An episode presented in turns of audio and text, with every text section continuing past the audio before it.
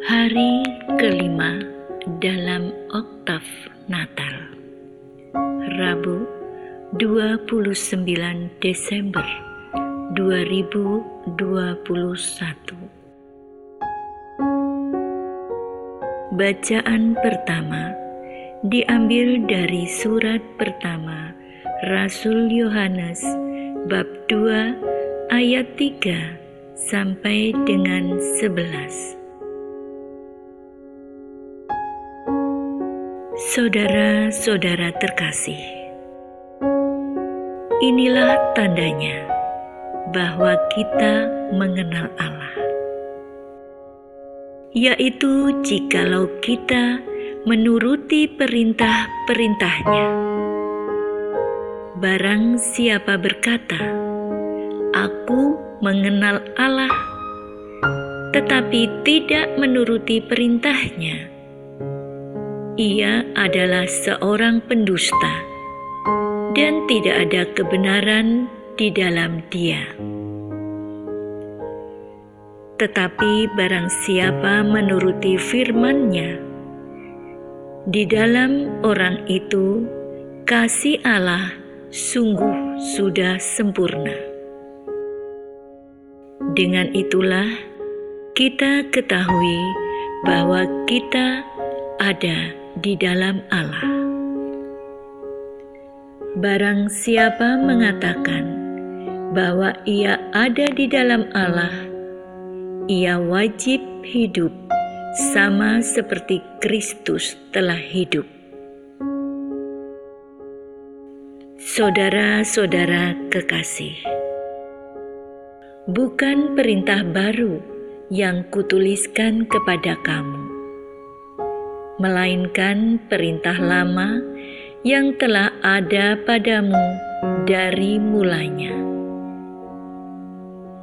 Perintah lama itu ialah firman yang telah kamu dengar. Namun, perintah baru juga yang kutuliskan kepadamu.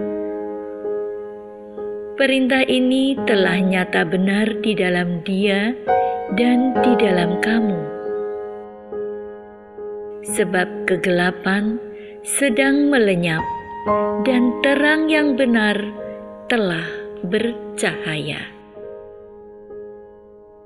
Barang siapa berkata bahwa ia berada di dalam terang, tetapi membenci saudaranya, ia berada di dalam kegelapan sampai sekarang.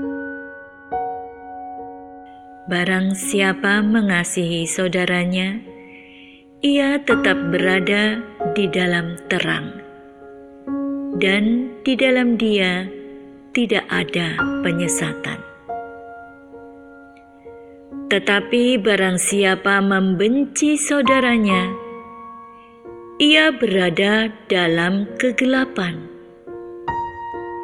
Ia tidak tahu ke mana ia pergi karena kegelapan itu telah membutakan matanya.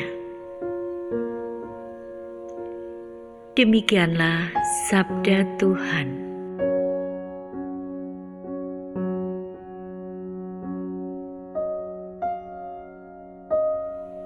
Bacaan Injil diambil dari Injil Lukas bab 2 ayat 22 sampai dengan 35.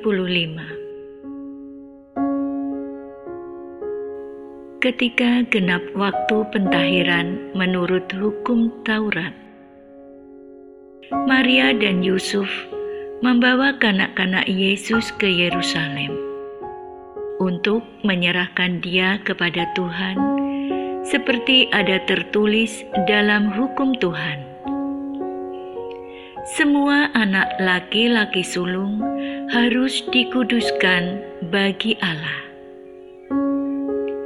Juga mereka datang untuk mempersembahkan kurban menurut apa yang difirmankan dalam hukum Tuhan, yaitu sepasang burung tekukur atau dua ekor anak burung merpati. Adalah di Yerusalem seorang bernama Simeon. Ia seorang yang benar dan saleh hidupnya, yang menantikan penghiburan bagi Israel. Roh Kudus ada di atasnya, dan kepadanya telah dinyatakan oleh Roh Kudus bahwa ia tidak akan mati sebelum melihat Mesias, yaitu Dia yang diurapi Tuhan. Atas dorongan Roh Kudus, Simeon datang ke Bait Allah. Ketika kanak-kanak Yesus dibawa masuk oleh orang tuanya untuk melakukan apa yang telah ditentukan hukum Taurat. Simeon menyambut anak itu dan menatangnya sambil memuji Allah. Katanya, "Sekarang Tuhan, biarkanlah hambamu ini pergi dalam damai sejahtera sesuai dengan firman-Mu." sebab mataku telah melihat keselamatan yang daripadamu, yang telah engkau sediakan di hadapan segala bangsa, yaitu terang yang menjadi penyataan bagi bangsa-bangsa lain dan menjadi kemuliaan bagi umatmu Israel. Yusuf dan Maria amat heran akan segala sesuatu yang dikatakan tentang kanak Yesus.